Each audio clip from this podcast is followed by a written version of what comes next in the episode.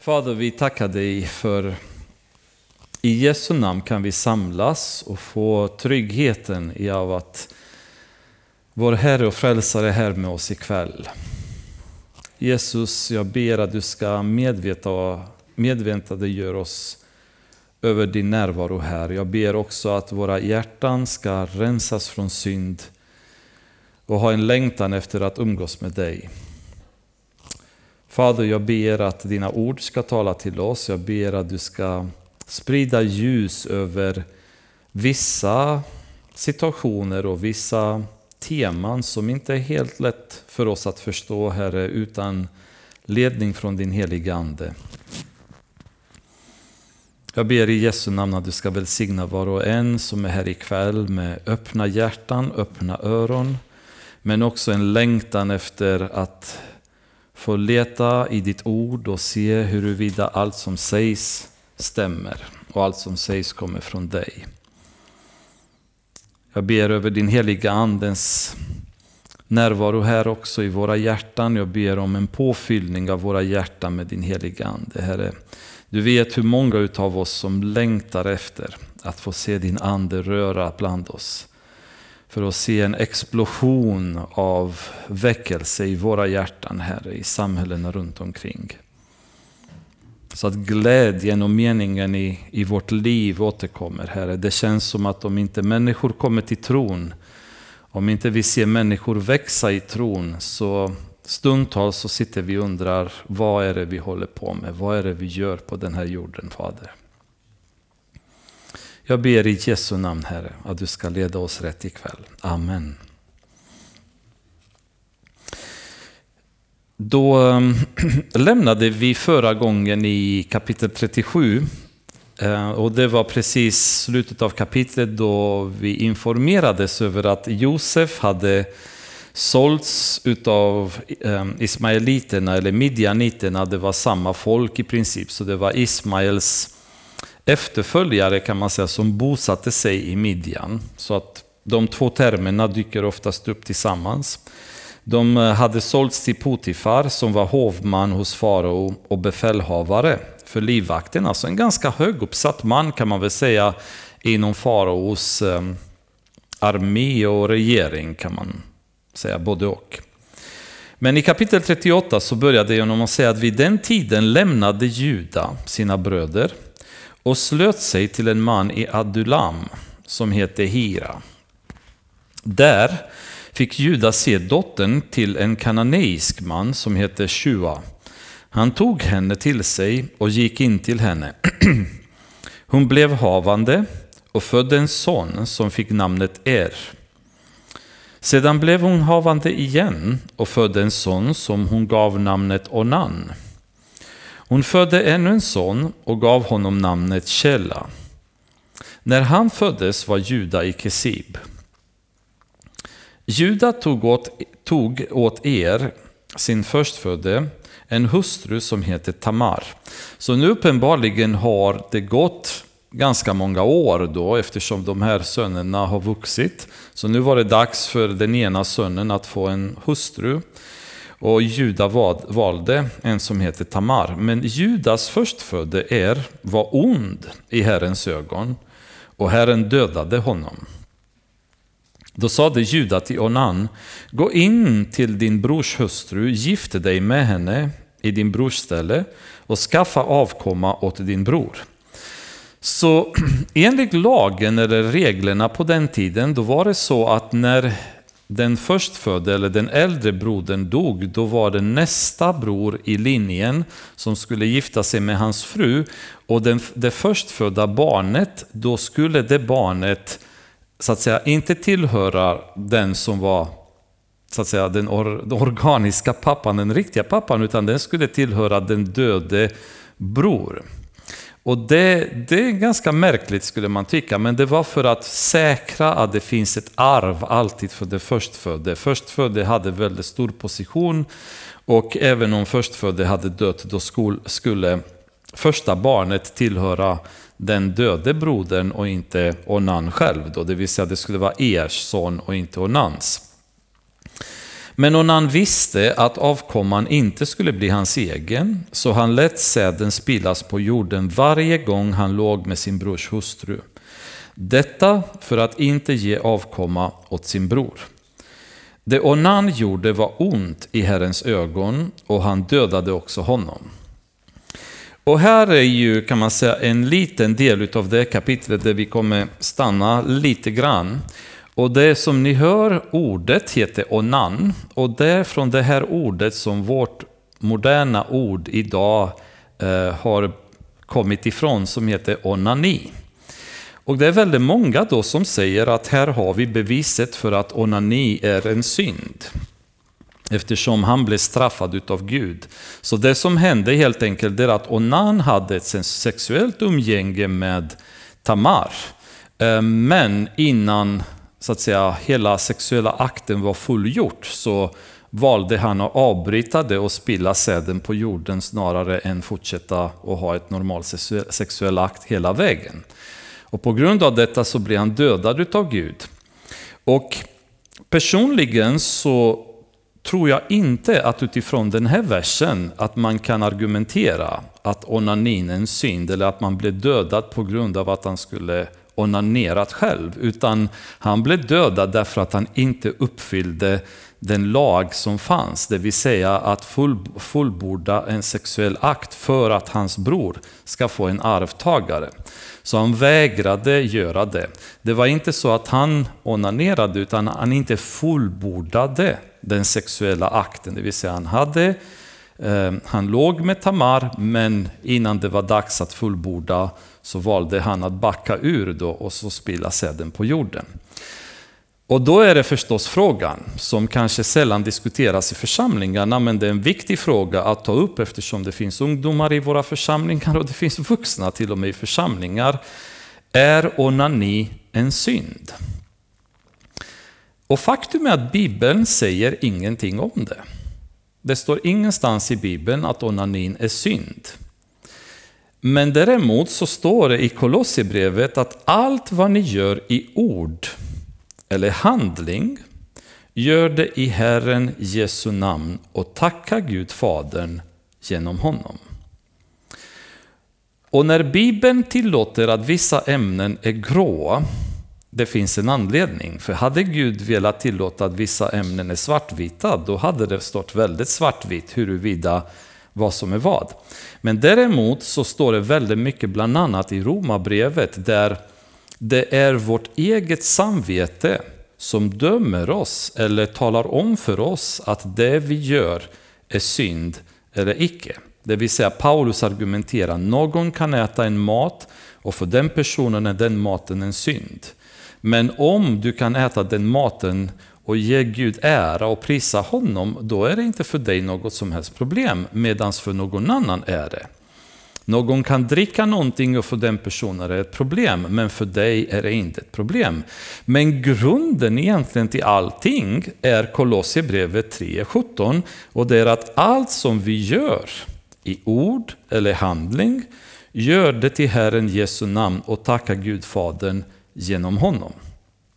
Och anledningen till att jag tar upp det, det är att det anses bland vissa till exempel att, att inte fullborda en sexuell akt är en synd. Det vill säga att du vill inte ha barn med din fru och därför avbryter man och så syndar man eller spiller säden på något annat sätt än det naturliga sättet när du har en sexuell akt. Och Bibeln säger ingenting om det. Och därför så skulle inte jag vilja gå och säga att det är en synd. Men däremot, vad är det ditt samvete säger dig? Hur mår du när du gör det? Vad tycker du känns rätt i din relation med Gud när du gör detta? Får du en skuld? Får du ett dåligt samvete? Ja, då är det inte så svårt att, att säga vad det är. Um, och det är ju personligen, kan man säga, i min ungdom, när detta hände, så hade jag väldigt dåligt samvete inför Gud. Så för mig är nog ingen snack, det är ingen aktivitet som jag som kristen ska hålla på med, vare sig om jag är gift eller ogift. Utan inför Gud så alltid känns det som en synd för mig. Och någonting som jag definitivt vill undvika med allt jag bara kan. Men huruvida någon annan upplever det eller i vilka sammanhang man håller på med det, det låter jag det vara osagt. Men det jag däremot kan med ganska stor säkerhet säga att den här bibelversen går inte att använda för att argumentera att onanin är en synd eftersom synden var här, ehm, det fanns inte ens en onani utan här var en riktig sexuell akt som han dock inte fullbordade därför att han inte ville få barn och ville inte att hans bror skulle få barnet utan han bara kände att jag vill inte vara med om detta. Så det är inte, inte helt lätt ehm, kan man säga när man kommer i de gråa områdena i Bibeln eller de områdena där Bibeln är tyst. Då bör vi alltid vara försiktiga med och dra upp egna regler och egna system och vad som är synd och osynd. För då blir det kulturella tolkningar i det hela, då blir det upp, alltså hur vi har vuxit upp, vilka våra familjer har varit, hur vi själva har upp, uppmuntrats att växa upp och så vidare. Och då lägger vi till våra tolkningar till det hela. Men min uppmaning vore helst inte göra det, men det är utifrån min skuldkänsla inför Gud när jag själv har gjort det. Aldrig känns det bra. Alltid har känt en stor skuld inför Herren och har fått be honom om förlåtelse. Och av den anledningen så skulle jag nog säga man kanske bör avstå. Man kanske bör vänta tills man är gift och har en fru och så vidare. Men återigen, ta Kolosserbrevet som kapitel 3 och 17 säger och om ni med den versen i tankarna eh, kan leva på ett sådant sätt och inte känna skuld, då lägger jag mig inte i er, ert liv. Men om den versen talar om för er att det ni håller på med är fel, då bör man sluta med det. Därför att då är inte Gud i det. Och tankarna som man får och så vidare, om man får tankar av lust efter andra människor och så vidare, då vet vi direkt att det är inte från Herren. Vi får inte lusta efter någon på det sättet. Jesus säger bara man tittar på en kvinna och har lustat efter henne, då har man redan begått otukt med henne. Så att troligen är det en aktivitet vi som kristna inte ska hålla på med. Men jag skulle våga påstå att den här versen är inte någonting som vi kan utgå ifrån för att argumentera mot. Men det finns mängder med andra verser i så fall som vi skulle kunna använda oss för att säga att det är kanske ingen aktivitet vi ska uppmuntra någon att hålla på med. Utan det är förmodligen något som eh, leder oftast tyvärr till synd i våra tankar när vi gör det. Men han i alla fall, han eh, eh, var ond också i Herrens ögon och han dödade också honom. Då sade Juda till sin sonhustru Tamar, stanna som änka i din fars hus tills min son Källa blir vuxen. Han var nämligen rädd också att också denne skulle dö liksom hans bröder. Tamar gick då tillbaka till sin fars hus och stannade där. En lång tid därefter tog, dog Shuas dotter, Judas hustru. Efter sorgetidens slut gick Juda med sin vän, adulamiten Hira, upp till Timna, till den som klippte hans får. När man berättade för Tamar att hennes svärfar var på väg till Timna för att klippa fåren, lade hon av sig enkekläderna, tog på sig en slöja och satte sig vid porten till en Najim på vägen till Timna. Hon såg nämligen att Kjella var fullvuxen och att man ändå inte gav henne till hustru åt honom. Så i princip vad Juda gjorde var att han skickade Tamar tillbaks till sina föräldrar och hoppades att hon skulle hon skulle glömma allt utan bo kvar där och kan tänka mig att hennes föräldrar var inte så superentusiastiska att få tillbaka henne när de hade gift bort henne och förväntade sig barnbarn och så vidare. Och hon kommer tillbaka, hon lever där som änka och Juda låtsas som inget nu när, när minsta sonen har vuxit upp och han hoppas att hon har glömt och inget mer med det. Men det hon gör nu är att hon, hon går och kan man säga hon klär sig som en prostituerad. Men inte vilken prostituerad som helst, utan det här var ju tempelprostituerade.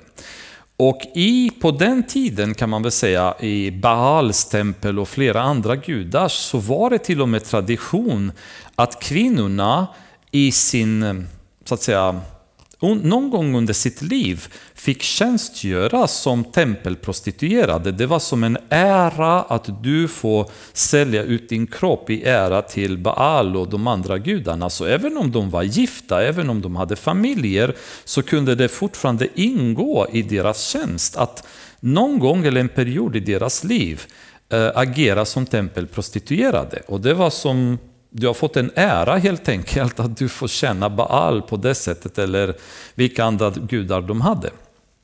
Så det, det hon gjorde var att hon gick där och agerade som en tempelprostituerad. Och när Juda fick se henne, vers eh, 15, trodde han att hon var prostituerad eftersom hon hade täckt över sitt ansikte. Han vek av till henne där hon satt vid väggen och sade Får jag gå in till dig? Han visste inte att det var hans sons, son hustru. Hon svarade, vad vill du ge mig för att gå in till mig? Han sade, jag skickade en killing ur min jord. Hon svarade, ja, om du ger mig pant tills du skickar den. Han sade, vad ska jag ge dig i pant? Hon svarade, din signetring. Eller hur säger man, signetring eller signetring? Signetring. Bra. Skönt att ha folk som kan svenska. um, din signetring med kedja och staven som du har i handen. Då gav han henne detta och gick in till henne och hon blev havande genom honom. Sedan gick hon därifrån och lade av sig slöjan och tog på sig enkekläderna igen. Juda skickade killingen med sin vän Adulamiten för att få tillbaka panten av kvinnan men denne hittade henne inte. Han frågade männen på platsen var tempelflickan fanns, hon som satt vid vägen i Enajim, men de svarade att det inte hade funnits någon tempelflicka där. Han kom tillbaka till Juda och sade, jag har inte hittat henne. Dessutom säger folket på orten att det inte funnits någon tempelflicka där. Då sade Juda, ah, hon får behålla det så skämmer vi inte ut oss. Jag har nu skickat killingen men du har inte hittat henne. Ungefär tre månader senare fick Juda höra din sonhustru Tamar har begått otukt och dessutom blivit havande genom sin otukt. Då sade Juda, för ut henne och bränn henne. Det är lite märkligt att han plötsligt bryr sig om henne här när han har skickat iväg henne och trodde att han skulle bli av med henne.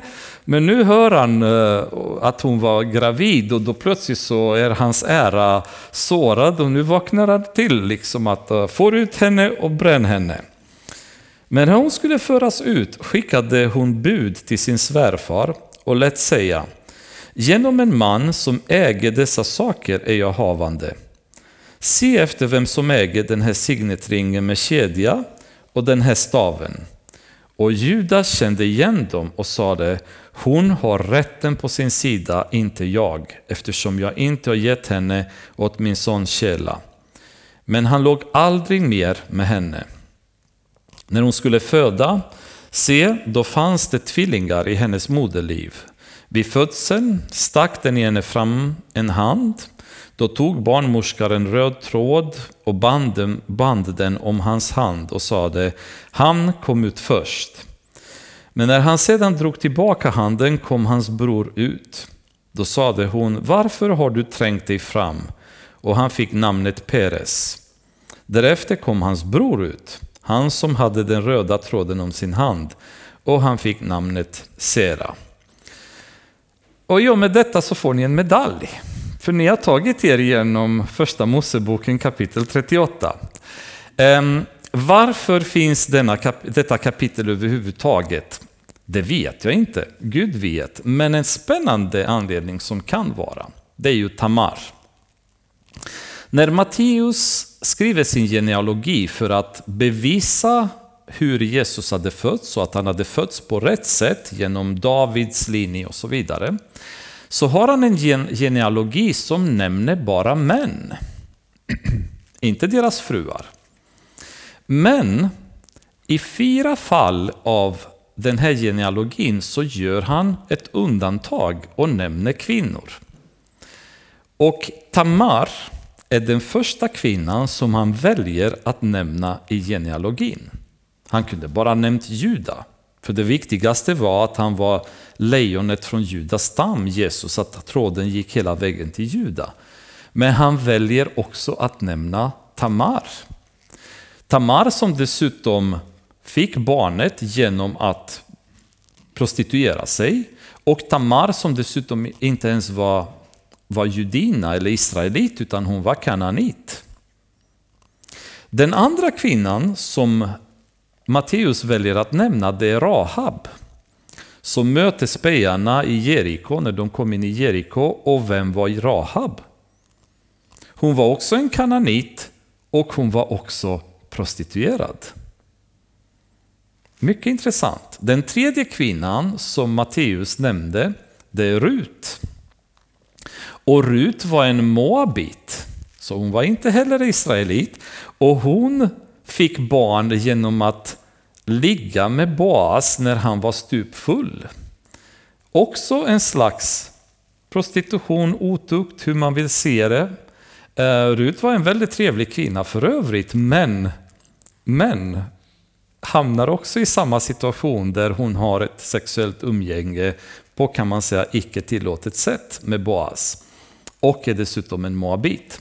Och den fjärde kvinnan som nämns det är Batsheba som vi vet var gift med en som var hetit, det vill säga Uria, och med all sannolikhet var själv också hetit, som också fick barn med kung David, eh, som också hade en relation som började genom otukt.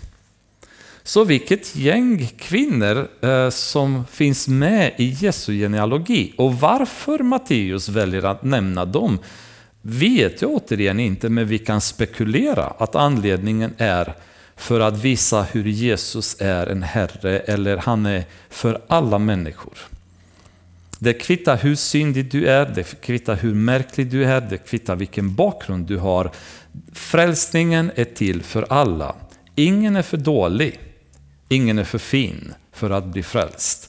Den finns till för alla. Och för att göra saker ännu mer spännande så nämns Rahab dessutom i Hebreerbrevet i vad man kan säga gallerin av tron som man eh, nämner där. Och hon nämns där som en kvinna av tro. Rahab, känn på det. Ihop med Sara, ihop med alla andra legenderna som vi läser om, så är Rahab inkluderad bland dem som en troskvinna som vi ska lära oss av.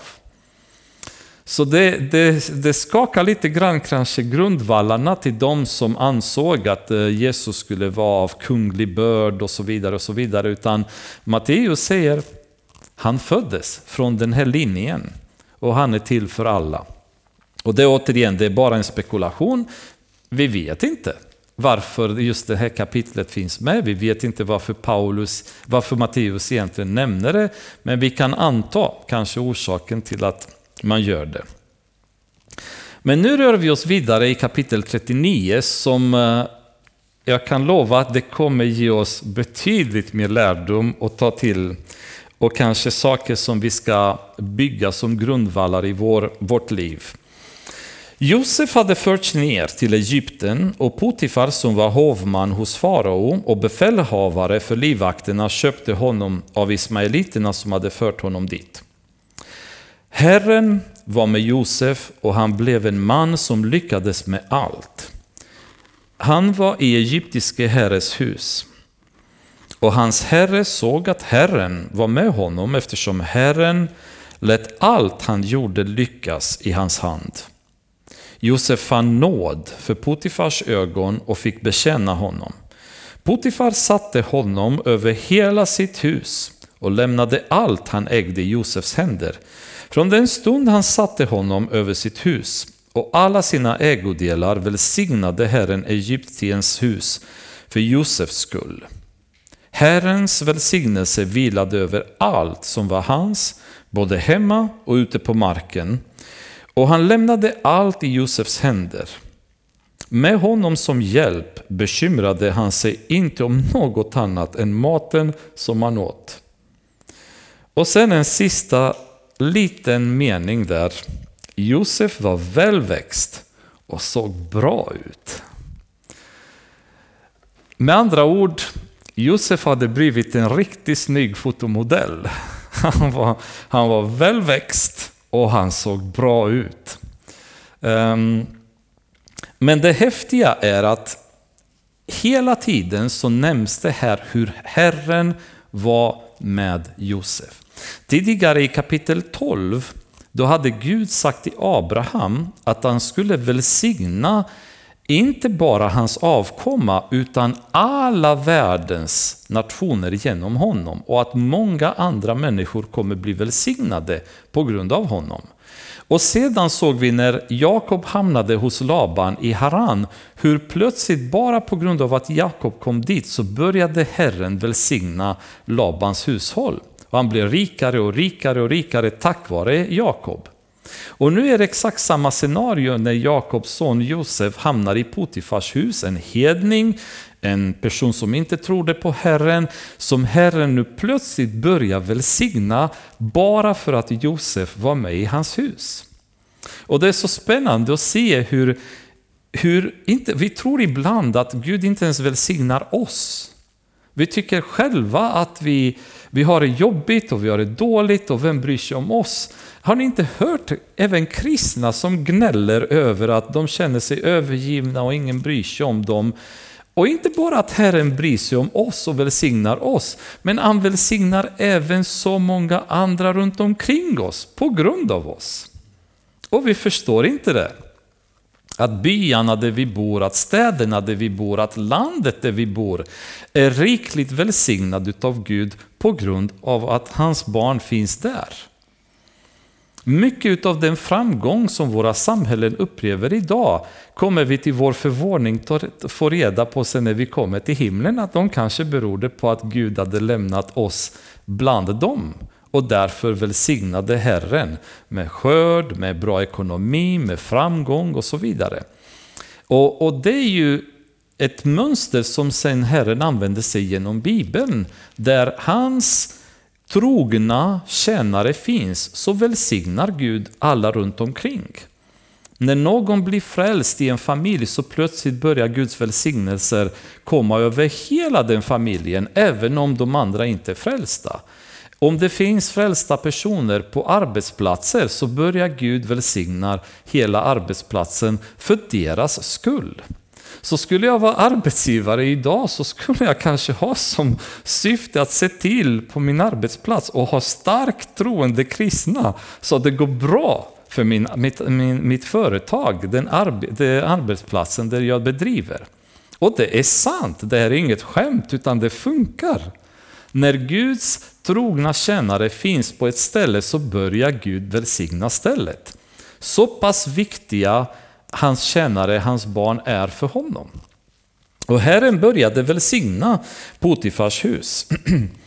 Och jag vill att vi ska läsa femte Moseboken i kapitel 28. Det är en lite längre bit. Jag tänkte man kanske skulle läsa lite kortare, men sen kände jag att nej, jag vill inte bryta sammanhanget, för det blir bara häftigare och häftigare ju mer man går igenom kapitlet sen. Femte Moseboken kapitel 28.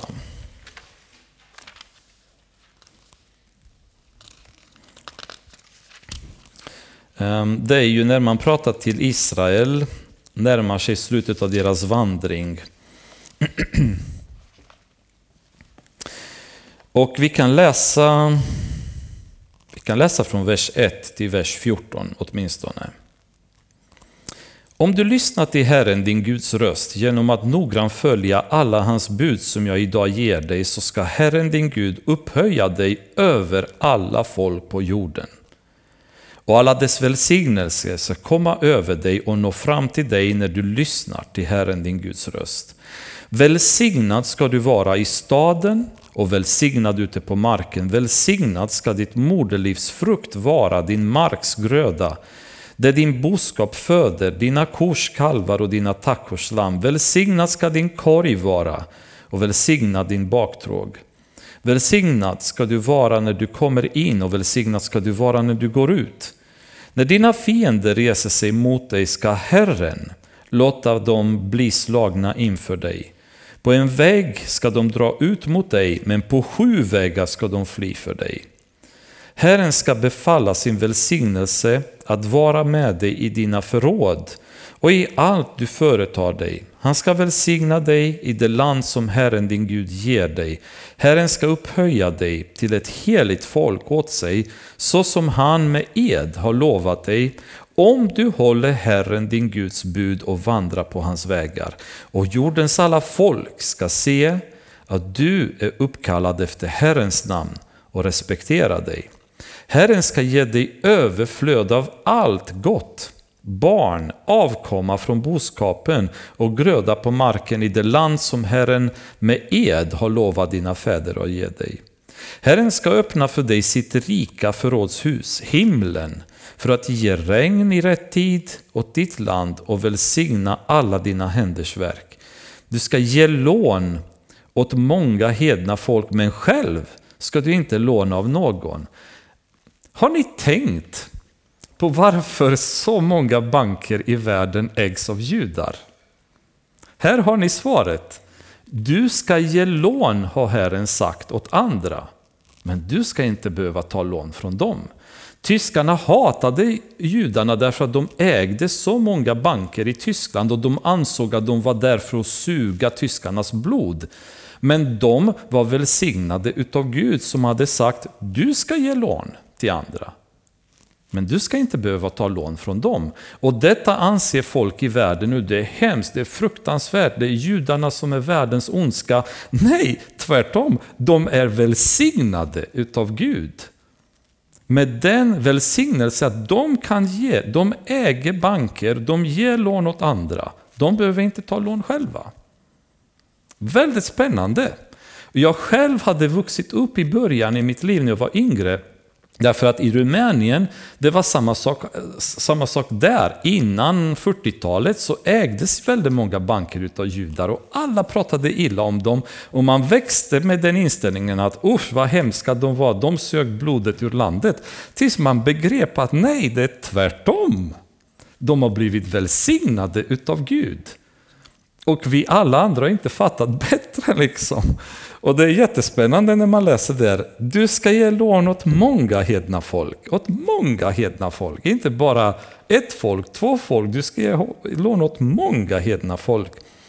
Själv ska du inte låna av någon. Herren ska göra dig till huvud, inte till svans. Du ska bara vara över och aldrig vara under. Alltså, vad säger man när man läser det här?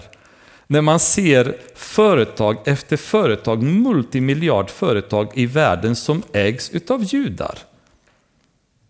Du ska vara över, du ska vara huvud, du ska inte vara svans. Och du ska vara över, du ska inte vara under. Och alla andra hatar dem på grund av det, men finns det kanske en anledning för att det ser ut som det gör? Ja, men det har vi här. Femte Moseboken kapitel 28.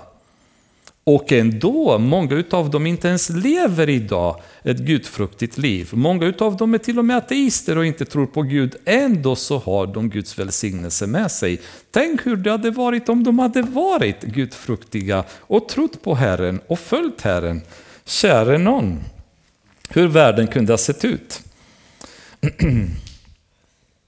Om du lyssnar till Herren din Guds bud som jag, som jag idag ger dig för att du ska hålla och följa dem, vik inte av, varken åt höger eller vänster, från något av alla de bud som jag idag ger er, så att du följer andra gudar och känner dem.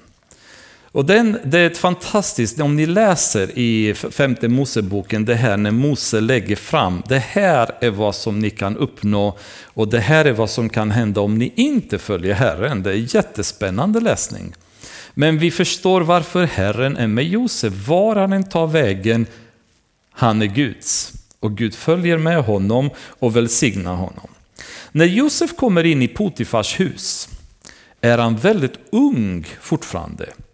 Han kan fortfarande vara en tonåring. Vi vet inte exakt vad den här texten beskriver, hur snabbt efter att han har blivit såld till Potifars som vi kommer in i, i den, den position då han leder Potifars hus, eller blir eh, VD om man säger för Potifars hus. Men han är fortfarande antingen 17, 18, 19 eller i bästa fall väldigt, väldigt tidig eh, 20-årsålder. Oavsett så är Josef nu fortfarande väldigt, väldigt ung kille. Ehm, han är dessutom av en annan nationalitet och han är av en annan religion. Men trots alla dessa ehm, så att säga, skillnader så förstår Potifar att Herren är med Josef. Och han är smart nog att förstå att om jag sätter Josef som huvud i mitt hus, då, går det, då kommer det gå bra för mig. Till den punkten där det går så bra för Potifar, så det enda han behöver bry sig om är vad han ska ha till mat. Ingenting annat behöver han bry sig om, utan allt annat styrs av Josef. Han sköter allt och det enda Potifar behöver göra är bara ungefär, vad ska vi äta ikväll? Liksom. Det, det är det enda problemet han har i sitt, i sitt hus, säger vers 6. Med honom som hjälp bekymrade han sig inte om något annat än maten som han åt. Ganska bekymmersfritt liv han får tack vare Josef som sköter allting exemplariskt i hans hus. Jättespännande att Josef eh, klarar av det på, det på det sättet. Och han kom från en väldigt tragisk händelse. Så att han blev väldigt orättvist behandlad. Han blir kastad in i Potifars hus. Men när han kommer in med Herrens hjälp så blommar Josef till att vara en väldigt stabil person. Vi kom, ni, vi kom, ni kommer ihåg att jag pratade om honom som, han är exemplet av en man av karaktär. Och var han nu kommer in så uppträder han klanderfritt. Mannen som Bibeln inte har något negativt att säga om. Och han kommer in där, gör ett fantastiskt jobb därför att Herren är med honom. Och han kunde har upplevt sitt liv förstört och bedrövligt och gå in i en depression, att det här var inte min bild av ett kristet liv. Jag har läst att när man blir frälst, att man blir lycklig och man blir glad, eh, kärlek överallt och titta vad orättvisor jag möter eh, när jag kommit till tro. Är det så här det ska vara, då backar jag, går tillbaka till världen och super och lever som jag levt innan. Som många så kallade kristna gör idag. Men Josef bestämmer sig i sitt hjärta, precis som Daniel hade gjort, att leva för Herren. Och det gör han oavsett vilket sammanhang man placerar honom i. I Romarbrevet 8.31 så står det Om Gud är med oss, vem kan vara emot oss? Alla sammanhang vi kommer in i är inga som helst problem för oss om Gud är med oss. Och Gud hade tillåtit Josef att hamna i det sammanhanget och Josef gnäller inte, ifrågasätter inte, deppar inte, utan han tar tjuren vid hornen och lever på samma sätt som han gjorde innan, med karaktär, med ärlighet, hårt arbetande gissar jag att han måste ha varit om han klarade så bra i Potifars hus. Därför att Gud var med honom, står det flera gånger. Och Potifar själv ser att Herren är med honom. Ja, men om Herren är med honom, vem kan då vara emot honom? Väldigt enkel fråga som är eh, självbesvarande. Och inte bara att han gjorde ett så fantastiskt bra jobb, men Gud hade också gjort honom till en välväxt och vacker människa. Vilket i sig kommer att dra problem i hans liv. För när vi går vidare i vers 7 så läser vi att efter en tid hände det att hans herres hustru kastade sina blickar på honom och sade ligg med mig. Men han vägrade och sade till sin herres hustru när min herre har mig i sin tjänst bekymrar han sig inte om något i huset. Allt han äger har han lämnat i mina händer. Här i huset har han inte större makt än jag. Och han har inte nekat mig någonting utom dig eftersom du är hans hustru. Hur skulle jag då kunna göra något så ont och synda mot Gud? Så nu kommer, nu kommer hans första problem efter att han har kommit in i Potifars hus av allvarligt slag. När hans herres fru beordrar honom, som är fortfarande egentligen en slav, att ligga med henne. Vad händer nu? Hans bröder tycker man var illa nog, vad de gjorde med honom, men det här kan nästan bli värre. För att, vad gör du nu som, du är en ung kille. Han har aldrig varit ihop med en tjej tidigare. Och alla som någonsin har varit unga killar vet hur det är. Det krävs inte mycket när du är ung och falla för en kvinna. Alltså hormonerna rör sig i kroppen med en hastighet utan dess like. Um, vi vet inte om hon var snygg, om hon inte var snygg, om hon var ung eller var gammal. Ingen aning, men det jag kan tala om för er att när man var ung så krävdes inte mycket för att man ska vara förtjust i en tjej eftersom hormonerna är precis överallt. Och han var inte olik någon av oss som var unga. Så att det skulle funnits en frestelse, en möjlighet att, att falla i den frestelsen är ju självklart väldigt, väldigt, väldigt lätt när man, när man var ung. I, ehm, om vi läser i, först, i andra Timoteusbrevet kapitel 2, vers 22 så varnar Paulus Timoteus som vi vet var en ung arbetare för Herren vid den tiden, till den punkten den Herren till och med var tvungen att säga till honom att folk får inte förakta din ungdom, så han måste ha varit hyfsat ung. Men Paulus var medveten om vilka problem som ungdomar kan råka ut för och han säger till Timoteus i kapitel 2, vers 22 Fly ungdomens onda begär och sträva efter rättfärdighet, tro, kärlek och frid tillsammans med dem som åkallar Herren av rent hjärta. Det vill säga, när du är ung så finns det ett antal problem, ett antal frestelser som du står inför. Och Paulus säger till Timoteus, du måste fly de där begären, de här ungdomsbegären. För att det kan skapa problem. Ordspråksboken kapitel 7, vilket jag gissar att ni, ni tänkte att vi förr eller senare, när det gäller det här temat, kommer vi hamna i. Kapitel 7 eh, kan vi läsa från vers 9 till 27 där det beskrivs väldigt tydligt vilka problem en ung man kan, eh, kan ha. Um, kan eh, läsa från vers 9. Det var i skymningen vid dagens slut, när natten mörke, nattens mörker föll på, då mötte honom en kvinna, klädd som en prostituerad och med dolda avsikter. Rastlös och trotsig var hon, hennes fötter hade ingen ro där hemma. En på gatan, en på torgen, vid varje gathörn stod hon på lur.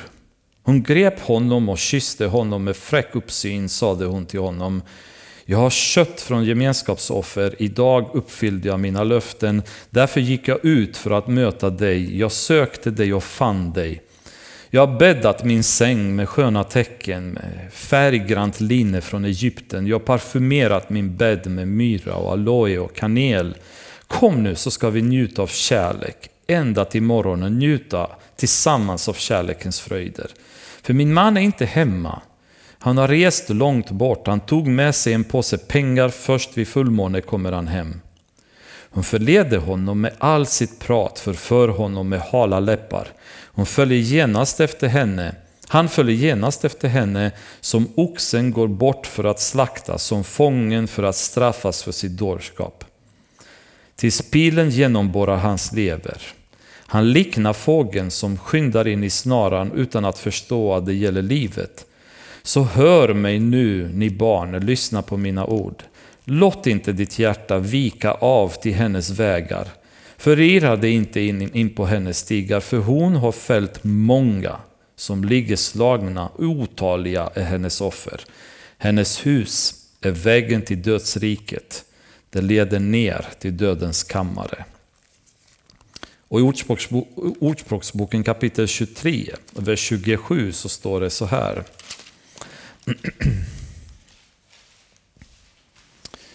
För den prostituerade är en djup grop, den främmande kvinnan en trång brunn. Det vill säga, går du dit då kommer du falla och du kommer inte därifrån. Och det är lite intressant vers med tanke på att det var just från en grop som de har dragit upp Josef, där de har sålt honom till ismaeliterna. Nu är han på väg att potentiellt kunna falla i en likadan grop men i en andlig mening den här gången. Han, en ung kille, han står framför frestelsen och vad gör han? Han säger nej. Och Dessutom så befinner han sig också i en annan situation där det kan vara känsligt även för oss kristna. Han har blivit mäktig. Han har blivit viktig som person.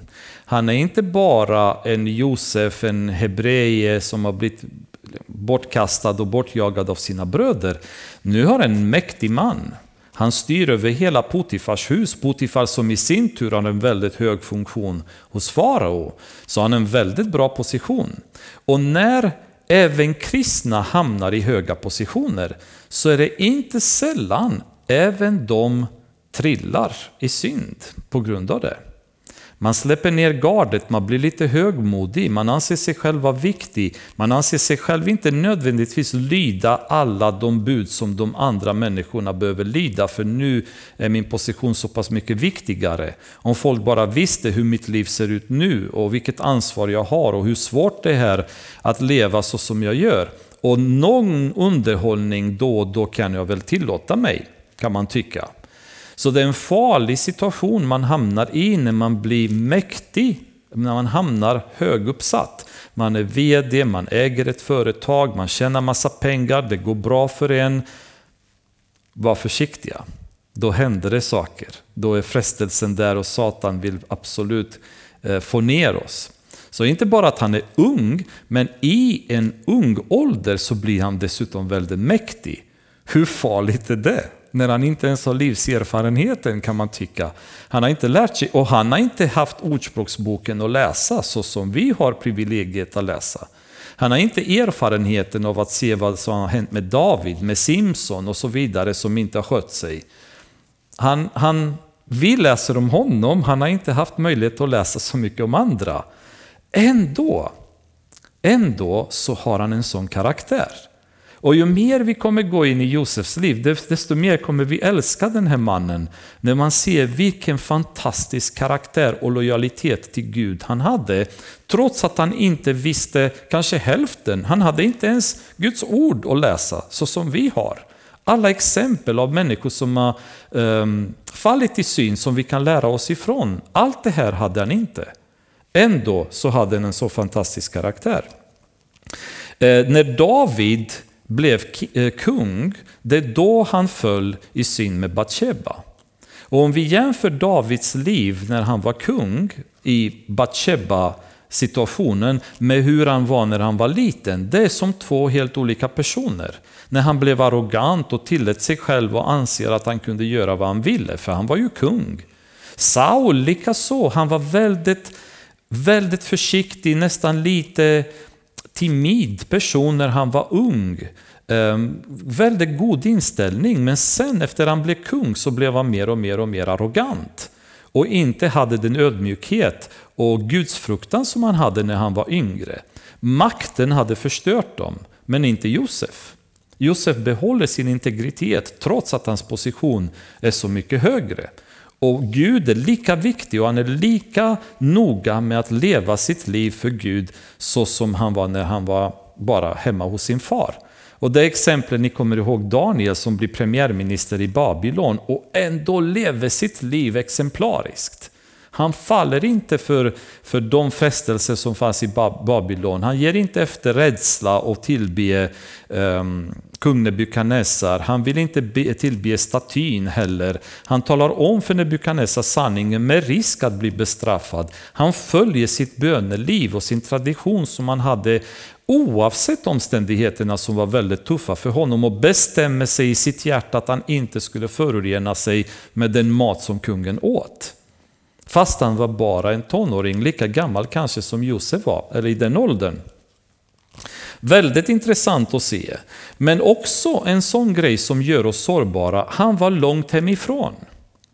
Han var inte i sin kultur längre, han var inte hemma hos sin far, eller som vi kan säga hemma i vår hemförsamling. Förstå vad många kristna har fallit från tro när de har flyttat från sin hemförsamling. Bara flytta till en annan stad Och så hör man några år senare, ah, vilken församling går de i? Nej, de har slutat. De sjöng i kör, de predikade, de var med på varje möte kanske. Och var är de nu? Ingenstans. Bara för att de har flyttat från sin hemförsamling, från samhället där de bodde. Eh, kompisarna, vännerna, bröderna, systrarna som de var bland. Och så fort de har kommit ur det sammanhanget så har de tappat tron. Vad lätt det är. Man har gått och studerat i en annan stad. Var är de nu? Ingenstans. De går ingenstans. De har tappat sin tro. Bara de har lämnat sin hemförsamling. Varför? Därför att de har kommit till en annan stad, i en anonymitet, där ingen känner dem. Och plötsligt så har de känt att mm, här kan jag göra vad jag vill, för det är ingen som ser mig. Ingen som kan döma mig här. De som pekade fingrar åt mig och sa att jag borde leva så och så och så, eh, nu finns de inte längre. Vad skönt! Nu kan jag synda fritt för att det är ingen som kan se mig. Men vad säger Josef när hon konfronterar honom och säger ligg med mig? Han säger, men jag kan inte göra det därför att först, du är en annan mans hustru. Det vill säga av respekt för den, det äktenskap ni har så kan inte jag göra det. Nummer två så säger han, jag vill inte bryta det förtroendet jag fått från Potifar. Han har gett mig förtroende över allt det här. Så jag kan inte gå emot det förtroendet jag fått av honom och ta dig, den enda som jag inte får regera över. Allt annat får jag göra som jag vill i, men inte med dig. Så det skulle bli att bryta förtroendet som jag fick från Potifar. Men han avslutade och säger, hur skulle jag då kunna göra något så ont och synda mot vem? Mot Gud. Tänk vad många gånger vi skulle ha undvikit att falla i synd om vi hade förstått att när vi syndar så är det inte mot någon annan vi syndar, utan vi syndar mot Gud. När David var bruten efter att han hade blivit konfronterad av Natan över sin synd med Batsheba och skrek till Gud, vad sa han då? Det var mot dig och bara mot dig att jag syndade. Det föll över honom.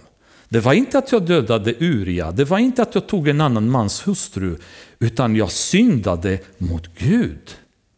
Och det är en helt annan dimension. Vare sig jag befinner mig i min, i min hemförsamling, i min stad, i den omgivning som jag vuxit upp i, eller inte, det är fortfarande Gud som ser mig och det är mot honom jag syndar. Om jag tillåter mig att synda, det är mot honom jag syndar. Och det medvetandet, det, det får Josef att inte ens överväga alternativet. Det går inte. Hur skulle jag kunna synda mot Gud? Och vi kan vända på det. Varför skulle vi vilja synda mot Gud? Vad har Gud någonsin gjort mot oss som skulle få oss att gå mot honom och gå i lag med Satan, som är lögnens och syndens fader, och gå i lag med honom mot Gud? För det är precis det vi gör när vi syndar. Vi går i lag med Satan och går mot Herren. Och Josef säger, hur skulle jag kunna göra det? Det, det går inte att, att synda mot Gud. Det finns inte, det alternativet existerar inte. Så vi har tillåtit oss med lätthet att gå och acceptera synd i våra liv, för vi har många gånger inte förstått att det är mot Herren vi syndar.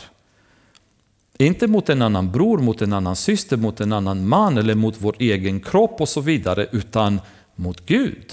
Och allvaret i synden blir mycket större när vi förstår att det är mot Gud vi syndar.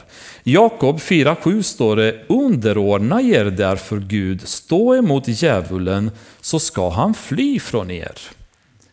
Och det är precis vad Josef gör. Han står emot och säger nej. Och djävulen flyr från honom för tillfället. För om vi går vidare i vers 10 så står det och fast hon talade så till Josef dag efter dag, det vill säga hon gav aldrig upp, hon tog inte nej för ett svar utan fortsatte, lyssnade han inte på henne, han ville inte ligga hos henne. Och där är det intressanta, eller var tillsammans med henne. Det vill säga, han, han, han ville inte ens vara i närheten av henne. Så han, han verkligen tog den här Jakob 4.7 på allvar fast versen inte existerade på den tiden. Han ville inte ens vara med henne. Han, bara, bara när han såg henne så, så stack han, för han ville inte ens utsätta sig för risken av att synda eh, om han fanns för nära henne. Och det är ju liksom en, en, en beslutsamhet att undvika synd. Att oavsett hur konstigt eller märkligt det skulle vara, jag vill inte flörta med synden. Vilket väldigt många gånger vi inte gör. Utan vi tillåter oss själva att flörta, att umgås med synden. Att tillåta oss själva smaka lite på det. Kanske inte bita hela väggen, men om vi bara slicka lite grann på den här frestelsen. Om jag tillåter mig att frestas lite, men kanske inte tar hela greppet, utan bara lite grann. Eh, umgås i de, de, runt de synder som jag egentligen tycker verkar lite attraktiva. För synden är ju väldigt attraktiv, det är ju det. Det lockar. Vare sig vi pratar kvinnor, män, eh, knark, sprit, underhållning, musik, fester, promiskuitet i olika dess former, ehm, att vara stökig, att vara arg, att, att kunna stå för vem man är och vara ambitiös på jobbet. Att inte tillåta att någon trampar på oss och bara ge, ge liksom svar på tal och så vidare. Det, det är normalt, det, det känns bra när vi gör det. Men Josef vägrar att ens vilja, vilja vara med henne utan han bara han, han, han, vill inte, han vill inte ens vara med henne. Och det är ju den attityden som jag känner, tänk om jag hade haft det i, mina, i mitt liv flera gånger. Bara se där är frestelsen, jag bara flyr. Jag vill inte ens vara nära. Jag vill inte ens titta åt det hållet. Jag såg på, jag kommer inte ihåg vilken kanal, i Israel en buss fullastad med ortodoxa judar. Och två kvinnor hoppade in i bussen och började sjunga.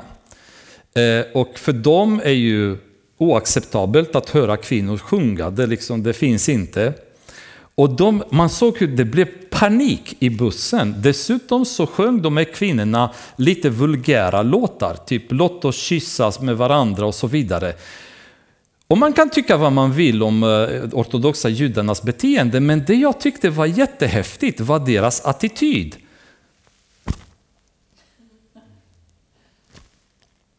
Urhäftigt. De höll sig för öronen. De, vi vill inte höra detta liksom. Och de här kvinnorna försökte att reta dem och hetsa dem. Och de stod i sätena och så höll på öronen. Och en del till och med gömde huvudet bland stolarna. De ville inte ens titta på dem och de bara satt så där. Och jag bara kände, det kanske ser väldigt konstigt och löjligt ut. Men tänk om jag skulle ha gjort det i mitt liv flera gånger.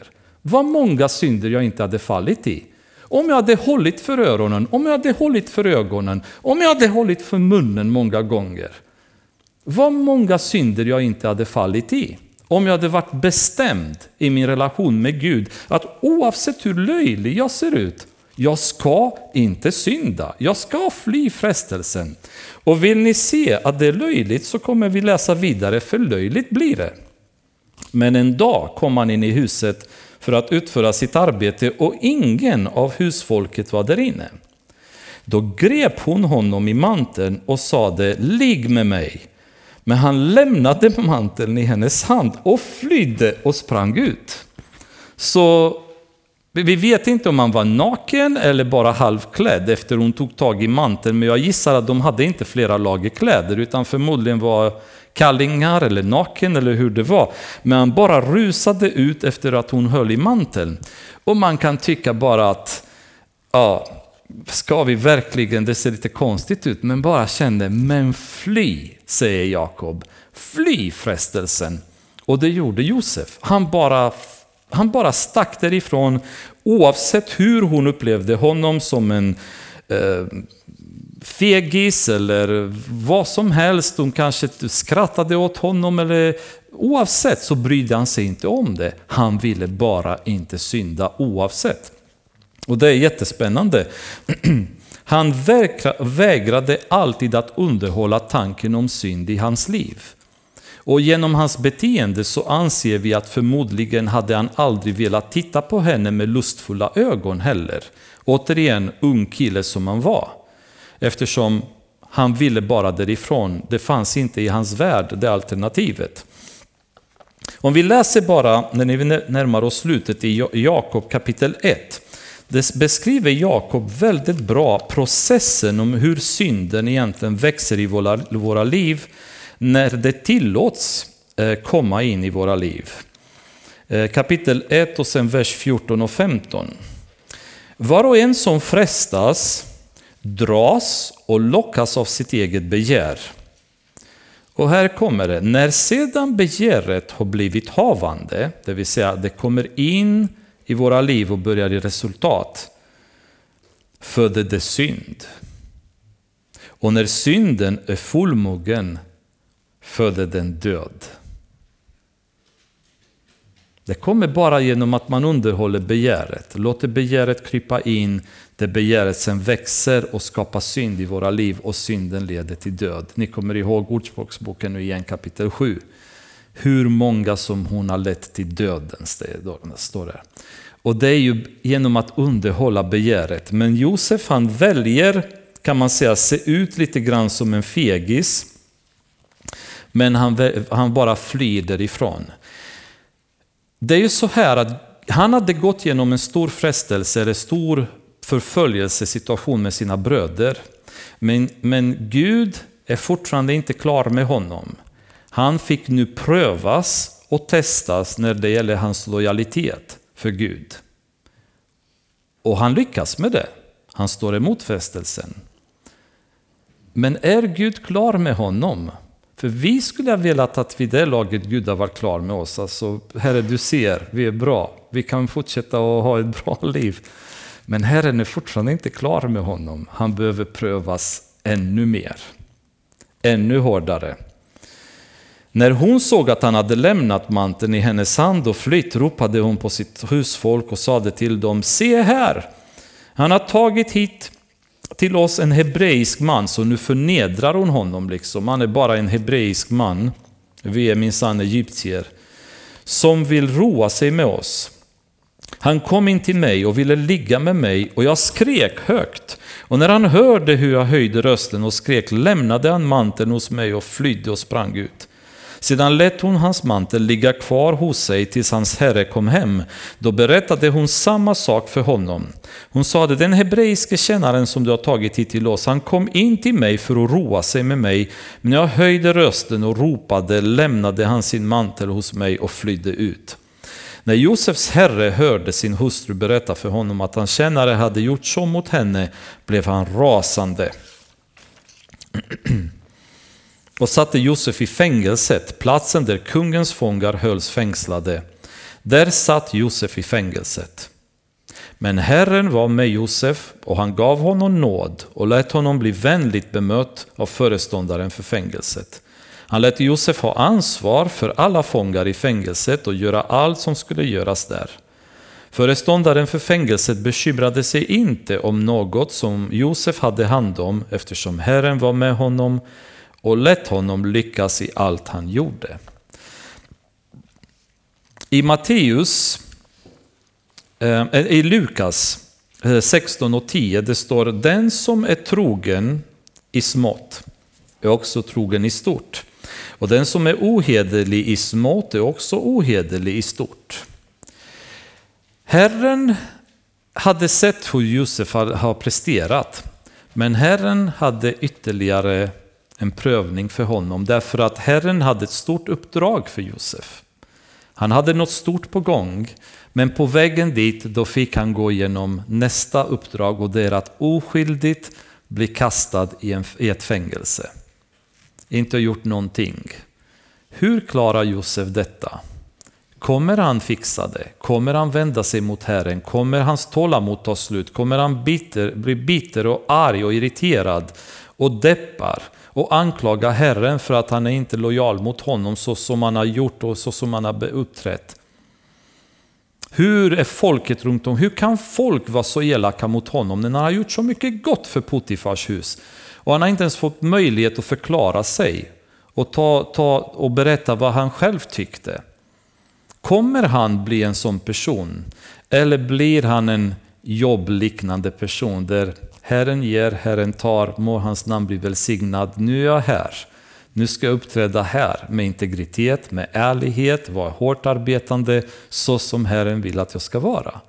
Herren slänger honom i fängelse eller tillåter honom att bli slängd i fängelset helt oskyldig. Han var inte beredd än för det uppdraget som Herren hade för honom framöver och det att bli näst störste man i Egypten. Det Martin Lloyd Jones som eh, jag läser en del bibelkommentarer som han har. Han skrev en gång att det är tragiskt när människor lyckas innan de är beredda för det.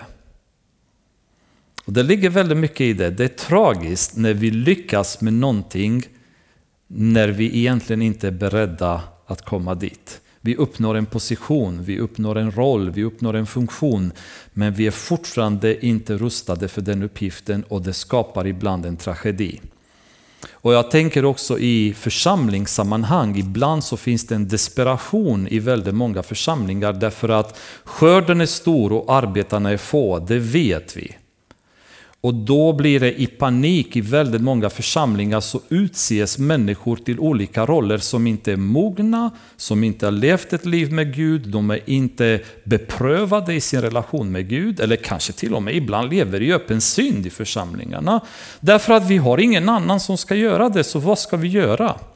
Man, man uppnår man lyckas med någonting eller uppnår en position där man fortfarande inte är prövad och inte är beredd. Och Herren ville att han skulle fortfarande ta Josef genom en sista prövning. Han kommer till fängelset oskyldig. Hur klarar han den prövningen? Och det lilla vi läser här det är att i princip i fängelset så händer det samma sak. Herren är med honom och han blir näst högste man i fängelset. Nu tar hand om allt och fängelsevakten kan bara slappna av eller chilla som ungdomarna säger nu för tiden. Ungefär vad han gjorde, bara kickback och njuta av livet och Josef skötte fängelset åt honom. Underbart att se, och roligare och roligare blir det framöver med hans liv. Då. Men det här är grunden som vi har läst nu, kapitel 30, 39. Det blir grunden för det som Josef sen kommer uppnå i sitt liv framöver. Fader, vi tackar dig för de här lärdomarna som du ger oss. Och jag ber så mycket för mitt eget liv och för var och en av oss. Fader, låt de här principerna bli starka pelare i våra liv, Herre. Attityden gentemot synd och förståelse om hur mycket du hatar synden, Herre. Och hur mycket synd och lögn och lust och dömande och hat, de har ingenting med det att göra, Fader. För du är enbart god. Du är enbart eh, ren och helig och det finns ingenting som är ont som kan förknippas med dig Fader. Och att varje gång vi väljer ondska och synd så väljer vi Satan istället för dig Fader. Låt oss aldrig komma dit. Jag ber att du ska ge oss styrka i det lilla som i det stora Fader. Jag vet att så många gånger har jag själv misslyckats när det kunde ha varit så enkelt, Fader. Bara tillåtit mig att göra saker som du hatar. Det hade varit smidigt att bara gå till dig och be om hjälp och be om nåd och be om styrka och ändå gjorde jag inte det. Jag ber om förlåtelse Fader för sådana situationer i mitt liv. Där dagligen upprepas Fader. Du ser Fader hur ord av lögn och svek ibland kryper in i våra munnar. Fast vi är dina barn, fast vi är kristna i en församling, Herre, som ska representera dig och vara ett ljus för resten av världen, Fader. Du ser hur lustfulla tankar kryper i många utav våra hjärtan. Och tankar om eh, förlustelser, Fader. Drickande och världslig underhållning. Det är så mycket i våra liv, Fader, som fortfarande inte står rätt till och jag ber i Jesu namn att du förlåter oss. Jag är rädd Fader att vår synd är en permanent barriär för dig att kunna använda oss. Herre. Att vi är fortfarande inte redo, vi är inte fortfarande beprövade Fader. För dina ögon letar hela tiden över hela jorden efter män vars hjärta är fullt dedikerade för dig Fader. Så Fader, är jag en av dem? Jag ber i Jesu namn Herre att jag ska vara och att var och en av oss ska bli det. Så att du kan titta på oss och känna att nu kan jag använda dem. Vi vet att du älskar oss Herre. Det är ingen tvekan i mitt liv över att jag är älskad av dig. Att jag tillhör dig Fader. Men jag blir inte glad över att jag inte representerar dig så som jag borde, som ditt barn Herre. Jag ber om förlåtelse och jag ber att du ska förlåta vår församling och de församlingar, Herre, som inte lyser som ett ljus på ett berg, Herre, som inte är salt för den här världen. Ge oss styrka, Fader, ge oss nåd. Och hjälp oss, Herre, i Jesu namn och med heligandens kraft att resa sig, resa oss till att bli det, Herre. Amen.